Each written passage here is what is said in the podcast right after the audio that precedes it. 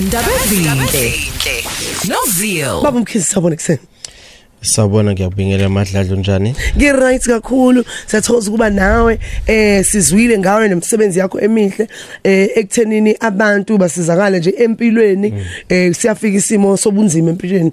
Kodwa le eyamabhadi namashwa eh umuntu angazibona sefana nabanye abantu emphakathini iba bhlungu kakhulu.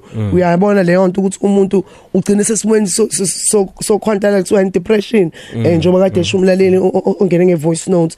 Yini ibhadi?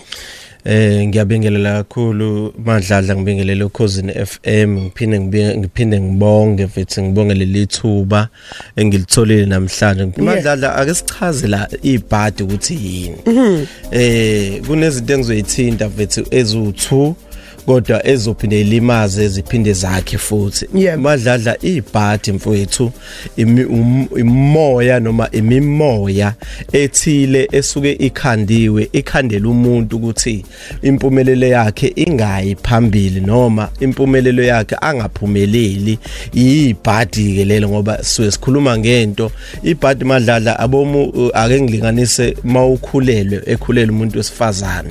Mhlawumbe uthola ukuthi ukhulelwe ukhulelwe esithenjini okanye uthi ukhulele emphakathini othakathayo eh noma ukhulele olento ukhulelwe kumphakathi mhlawumbe khona umuntu othakathayo lo muntu basekhanda into eyibhadi ukuthi lo muntu akangazaleki. Umuntu akangabelethi understand.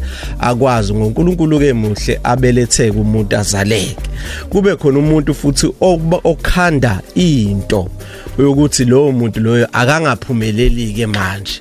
Esephila umuntu. esephila ke ngoba phela mesiphi mesifike emhlabeni sonke sinamalungelo alezi zinto nje kade ngiyibala ezimbalo ukuthi uzokuphumelela Zo- ezokupha amandla ukuthi uphumelele. mazalwa madlala sizalwa sineziphiwo zethu okuyizona ezenza siphumelele. So ngingakubala ngithi ibhadi eh, kuyahambisana ngoba likhona ibhadi ngiye ngathi ngizochaza kabili.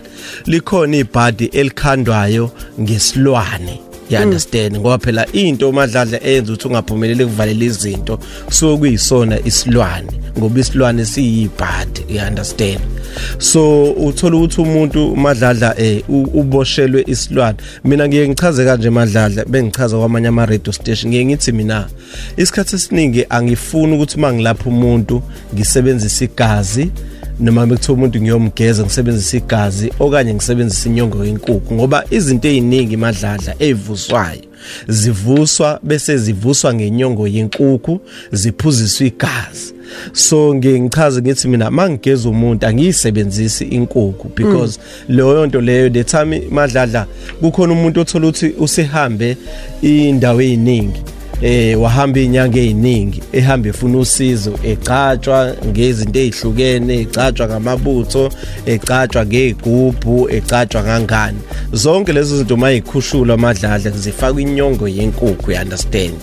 Kuchaza ukuthini ukukhushulwa manje? Ngoba phela umuntu usuke efuna usizo. Mangikhuluma madladla ngokukhushula khona umuntu madladla angithi suke silekelela inhlanhla yomuntu. You understand. Le azalweni azalwe enayo ngoba kukhona indlela madladla eyinqamulelayo eh empilweni ezenza usheshe uphumelele you understand? Phecelezi kunomuntu Yeah. madladla osekhaya ake ngilinganise nje ngabantu bamathende ukhona umuntu osekhaya othola ukuthi eh unethende walanda mhlawumbe ukhambo lithile noma walanda isigubhu esithile noma walanda amafutha athi athile ukuthi ambooste ukuthi abooste leyo business yakhe understand? Uthi uthi manje le business yakhe isishona phansi hey sekuthiwa ama booster cha phela suke sikhuluma nje ilanguage yethu la eminyangeni madladla ukuthi ubhusuke ubooster inhlanhla yakho ngoba nami madladla ngisebenza kanje ngumgizi kukhona umuntu othi mayefika eh ngizomlapha ukuthi unebhadi uthi uthi lowo muntu loyo sengiyam sengimlaphileke. Sure. sengiyamkhanda ke manje ngimkhanda ngani? Ngento yenhlanhla manje sengibuyisa le yanhlanhla yakhe. Ukhipha ibhadi. nayo ngikhipha leli bhadi sengibuyisa inhlanhla yakhe. Le nhlanhla yakhe eyisidalwa amadladla ngoba umuntu mayezalwa usuke ezalwa egadwe yisidalwa. Ey Nkosi yami ukuthi awuwedwa leso simo. Eh awu- hayi ngoba uzelwe ulahliwe isimo sakho leso emhlabeni. Usuke uphelezelwa uphiwe into ethile usuke futhi ugadiwe. Noma izinto ubone ngathi azikho azenzeki yabo kodwa nje Madlala ukuthi khona umuntu khona umuntu othola ukuthi use use uselento usentwasweni. Yeah. uthothi wangenwa imoya yamadlozi. Uthola ukuthi uzokwenzela izibhadi nje aphambanisele la einkambeni zakhe. Uthola ukuthi manje imimoya yakhe yamadlozi seqhela lesidalwa lesi esimfake lapha ukuthi akayosizakala ngoba amadlala. Kukhona isidalwa kukhona imimoya yamadlozi. Lezo zinto akuyona into eyodwa into ezihlukene ngoba mesilinganisa amadlala like lathi neBhayibheli ngelinye ilanga onkulunkulu bethu bokuqala basemhlabeni abazali bethu understand? so wena uma ukubhede bekubhede isidalwa sakho. Isilwane lesi siyibhadi siyabusa phezulu kwempilo yakho. Madladla be- there are lots of people asebe aba- ababangathi udedela ama calls manje akutshena umuntu ukuthi mina kade ngangithenga izinkukhu ngiyogezwa. Kodwa namanje sengikhathele ukugezwa. Lalela ngicela ukubuya kulela phuzu lenhlonipho ukuthi uma ungahloniphanga ekhaya kuyibhadi. Madladla kuba lula uma ukuthi izinto zithi. Yabo nje uma ungahloniphanga abazali bakhe umzali wakhe esaphila. Yami. ungabe uma wakho umbaba wakho ugogo wakho umkhulu wakho. Ya. Sekuyisiqalekiso leso. Ayibo ayibo ayibo uyabona nje inkulu leyo ndaba umuntu omusha kayizwe nomdala kayizwe aphinda ayikhulume nasekhaya ukuthi inhlonipho iphethe izinto eh nebhadi kade lifakiwe liyaphuma. Liyaphuma. Angithi ingakho madlala besikhulume inhlonipho. Eh siyanala ekutheni mawufika kamkhize uzothatha umuthi noma uzothatha ukhamba. Sengigezile ngakugezela ngakulahla ibhadi noma ngakulahla isilwane. Sure. so mase usuphe usulento usesikhuluma lesenhlonipho madlala. Ususebenzisa manje umuthi wakamkhizi kuyenzeka umuntu wesilisa uyawusebenzisa umuthi uyagijima usuyophinda uyolala nabantu besifazane. Akusiseyona ukuhlonipha lokho. Umuntu wesifazane usugijima uyolala nabantu besilisa. Akusakhona ukuhlonipha manje umuthi ke manje ke noma leyo mpande osukunikwe yona. Engisho ukuthi esenhlonipho madladla sibalulekile ngaso sonke isikhathi. Yebo yebo.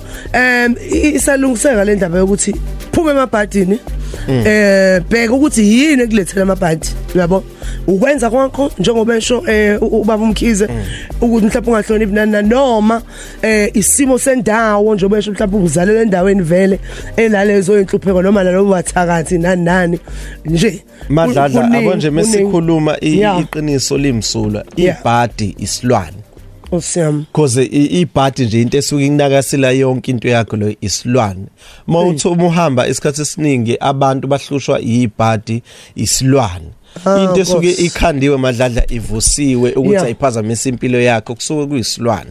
Isona futhi esiphinde sikwenzele ini? Ithunze limnyama. Ah. kunomuntu osuke esekhaya okutshena ukuthi madladla mina kade ngangigezwa ya understand? Yeah, yeah, yeah. uthothi lowo muntu loyo uhlushwa isilwane. Uthothi uyafika ka ka- kaGumede ukuthiwa kathenga inkukhu. You understand? Yena uyitsho ukuthi uyageza kanti uphakamisa lemumo lesilwane lesi noma leli bhade likuyena. Ulokho eliphakamisa elifida ngoba lento lethami yakhiwa madladla yakhiwa ngegazi bese iphakanyiswa ngenyongo yenkukhu. Lalela singaxoxa kuze kube iyajula kakhulu indaba eh yebhadi kodwa nje kuningi engikufundile yabona nje lokwenhlonipho ngempela. Uyangakha nami ngikhule ngifundisiwe ukuthi kuyahlonishwa. Eh kuba khona ubunzima empilweni ubona ukuthi yabo lokho akusahlonipheki kodwa ngoba ufundisiwe and awufuni ukuthi le lamabhada namathele umuntu uthola indlela yokuthi enze aphile. Othanda ukumthinta ke uba mkhizi umthola kuphendawo ngizwile ukuthi nje social media uyayiqhelela ngoba ayihambisani. Kodwa o WhatsApp eh eng- eh, sothini engcingweni mhlawumbe no email address kanje nala usebenzeka khona eh ya asi- madladla asi- la sibambe ngisebenzela khona ngisebenzela esiphingo Yes. la ngisebenzela Yeah. khona eh ngiphinde ngisebenzele futhi ngaphezulu ngasensimbini lifestyle Sure. yes la ngiphinde ngisebenzele ngiphinde ngibe segoli la ngiba khona so Yeah. ngizoyigagula ke zonke lezo indawo eh inamba engitholakala kuyona ngitholakala kwinamba ethi 084 09 okay 084 093 1759 ngiphinde futhi 084 093 1759 eh ngiphinde ngitholakale lapha njalo ngolesithathu madladla egoli um, lento umgaqo wese 83 Sure. 13 eh bathi uPico Street ma Marimba Marimba yes egoli la ngithola khona njalo ngolesithathu madladla ya kuba busy ngempela and ngiyabona ngiyakuzwa uyasithatha isikhathi uma ukhuluma nomuntu ngoba sometimes umuntu udinga ukukhuluma nje abe nomuntu ozomnika isikhathi nesineke. Siyabonga kakhulu igala lakho namhlanje kuseni kuso isihloko sethu esikhuluma amabhadi nesithunzi somuntu ukuthi sibuye emndenini empilweni emphakathini eh ukwazi uqhubekela phambili ngempela ungabambezeleki. Ndaba ezinhle. Noville.